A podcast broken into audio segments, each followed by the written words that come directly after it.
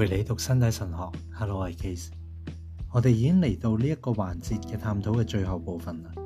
喺呢个环节入边，我哋尝试去论述马太福音十九章三到九节同埋马可福音十章一到十二节所记载到基督受主起初嘅言论，就系你哋冇读过咩？嗰个创造者自起初就做咗佢哋男人同女人，仲话为此人要离开父亲同母亲。與妻子聯合，二人成為一體嘅話咩？創世記用認識嚟界定夫妻嘅結合。亞當認識咗自己嘅妻子夏娃，夏娃懷咗人就生咗嗰個人，話我藉住上帝获得一個人我哋早已經喺較早前嘅思想入邊嘗試去展述聖經所提到認識嘅內容，藉住咁樣嘅認識人呢，即係男人同女人。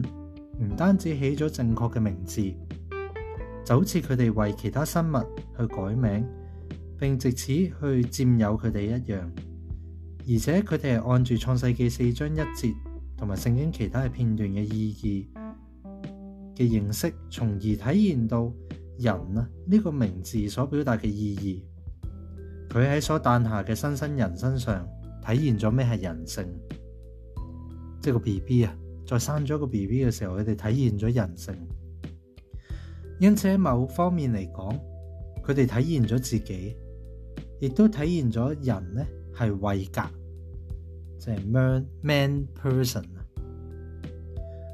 就系咁样。圣经认识同埋生育嘅循环咧结束啦。认识嘅循环系由人同人喺爱入边结合所构成嘅，而爱呢，又令到佢哋亲密咁样结合。以至成為一體，創世記向我哋完全咁樣展示咗呢個循環嘅真意。人呢，即系男人同女人，藉住聖經所提到嘅認識，孕育同埋誕生咗新嘅存有者。呢個存有者同佢哋相似，佢哋呢，命名佢做人啊，即系我藉住上帝獲得咗一個人。呢句说話入边呢，佢哋知道佢哋生出嚟嗰個係一個人。佢直住可以话系占有咗人性本身，更正确咁讲就系重新去占有咗人性。然而呢，诶，佢直此可以话系占有咗人性本身，更准确嚟讲系重新去占有人性。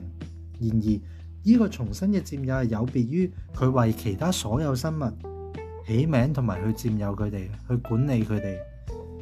系有唔同嘅。事實上，佢喺嗰一刻成為咗萬物嘅主人，開始履行咗做物主、治理同埋管理大地嘅命令。然而，呢個命令嘅前部分係你哋要生養眾多，遍滿全地。其中再有更深入嘅內容嘅，就係指出咗更深入嘅要素，就係藉住認識佢哋，帶嚟咗一個同佢哋相似嘅 B 型，一個全友。佢哋可以一齊話。呢个真系我骨中嘅骨肉中嘅肉啦！喺咁样嘅认识入边，男人同女人可以话系一齐被带走咗，两者被一个人性嘅占有咗。呢个人性系佢哋藉住结合啦，同埋互相认识而重新流露，同埋重新占有过呢个人性。嗱，依个我讲多次啊！男人同女人可以话系一齐被带走咗。喺咁嘅認識入邊，冇咗，變咗一體，唔係男同女嘅一體，兩者都被人性呢樣嘢佔有咗，變咗一個人性啦。而呢個人性呢，係佢哋希望直接結合同埋互相認識，又重新流露出一個人性，重新咧去管有一個人性，佔有一個人性。佢哋喺從自己身上，從佢哋成熟嘅男性同埋女性身體。最后透过起初嘅一连串成人啦、生育过程啦，亦即系创世嘅奥秘入边咧，佢哋又重新获得一个人性。就此而言，我哋可以将圣经嘅认识解释为占有。我哋系咪可能是咁样嘅认识等同于情爱嘅圣经表述呢？即系情爱即系 eros 啊，即系诶情欲啊，系咪等同于情欲嘅圣经表述呢？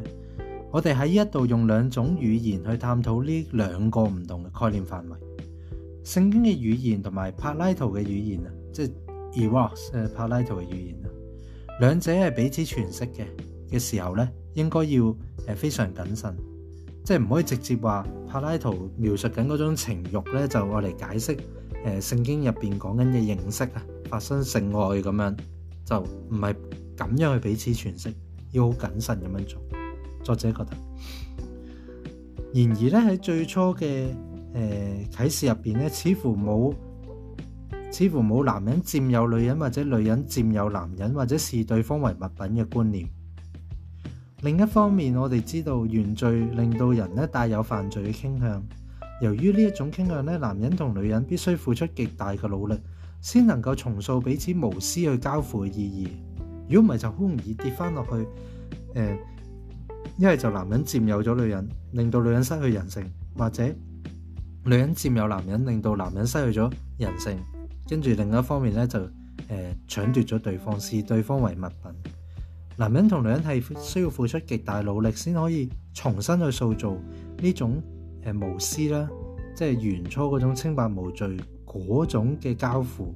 佢哋要揾翻呢種意義嘅，係要好大努力。咁啊，作者咁樣描述，因為之後呢，我哋會進一步去分析呢個課題嘅。暫時未掂得好深入，但我哋之後會再進一步分析。咁我繼續讀落去《創世記》，特別喺《創世記》第三章所提到關於身體嘅啟示，係非常清晰咁指出，認識同埋生肉嘅循環係深深植根喺人嘅身體嘅能力嚟。但喺人犯罪之後，呢個循環。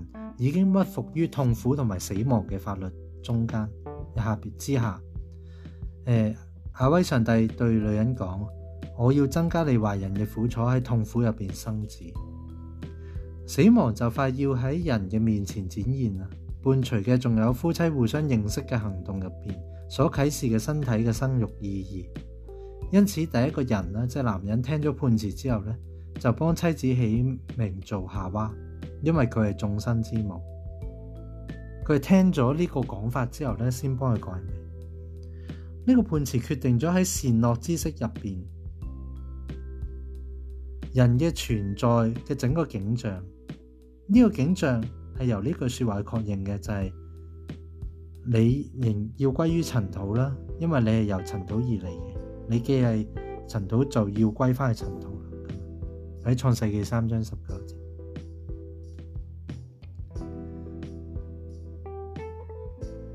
佢对人咧有一种咁样喺咁样，即系知道自己要死啦。面对诶痛苦同死亡入边咧，去去确认咧，夏娃呢一个名系众生之名。人嘅整个在世旅程嘅经验，印证咗呢个判决嘅彻底性。死亡就快要伸展到人嘅整个在世生命。呢个生命已经置于圣经最初认识同埋生育嘅循环入边。人摘咗之之前落树嘅果子。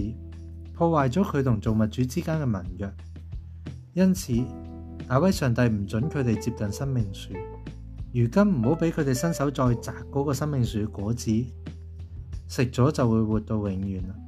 呢个就系经文创世纪三章廿一节咁样，人唔系丧失咗佢喺创世奥秘入边获赐嘅生命，但系佢遭受到怀孕啦、分娩啦同埋死亡嘅局限。並因為所繼承嘅罪性而陷於更壞嘅境況，但佢可以話係喺呢個不息嘅循環入邊咧，又重新獲賜呢份生命，且喺呢個生命咧成為責任。即係創世記四章一節話：當認識咗佢自己嘅妻子夏娃，夏娃懷咗孕就生咗誒該人。呢句話喺人類。尘世历史嘅起初，关乎身体嘅元初启示入边，就好似一个印记咁样。自起初，历史就好似藉住，正如创世纪所在嘅认识同埋生育，总系喺佢最基本嘅向度咧，重新去形成，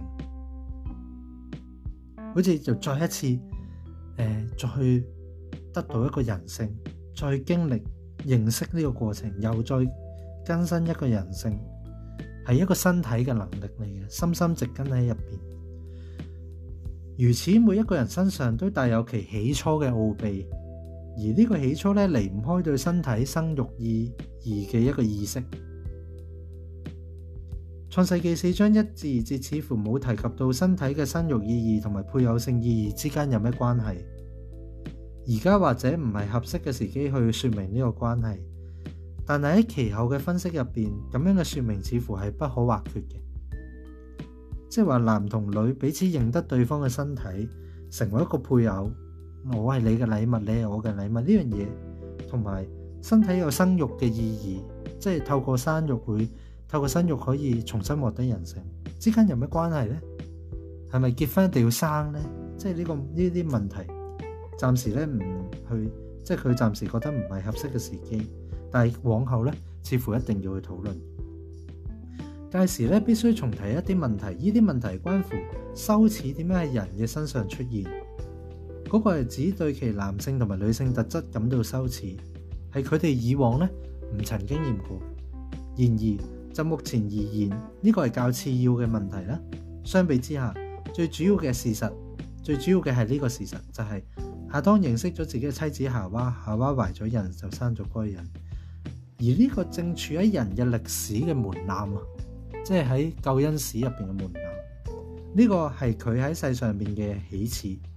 就喺呢個門檻之前，人咧男人同女人意識到佢哋身體嘅生育意義。男性特質隱藏住父职嘅意義，即係 fatherhood 啦，成為爸爸嘅意義啦。女性特質就隱藏住母职嘅意義啦，即係 motherhood 啦。因着咁样嘅意義咧，基督對於法利賽人向佢提出嘅問題咧，作咗一個明確嘅回答。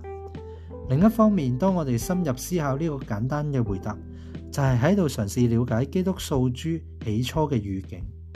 身體神學就係直根呢一個起初，喺人嘅身上，對於身體意義嘅意識，同埋對於身體生育意義嘅意識，遇上咗對死亡嘅意識，可以話係。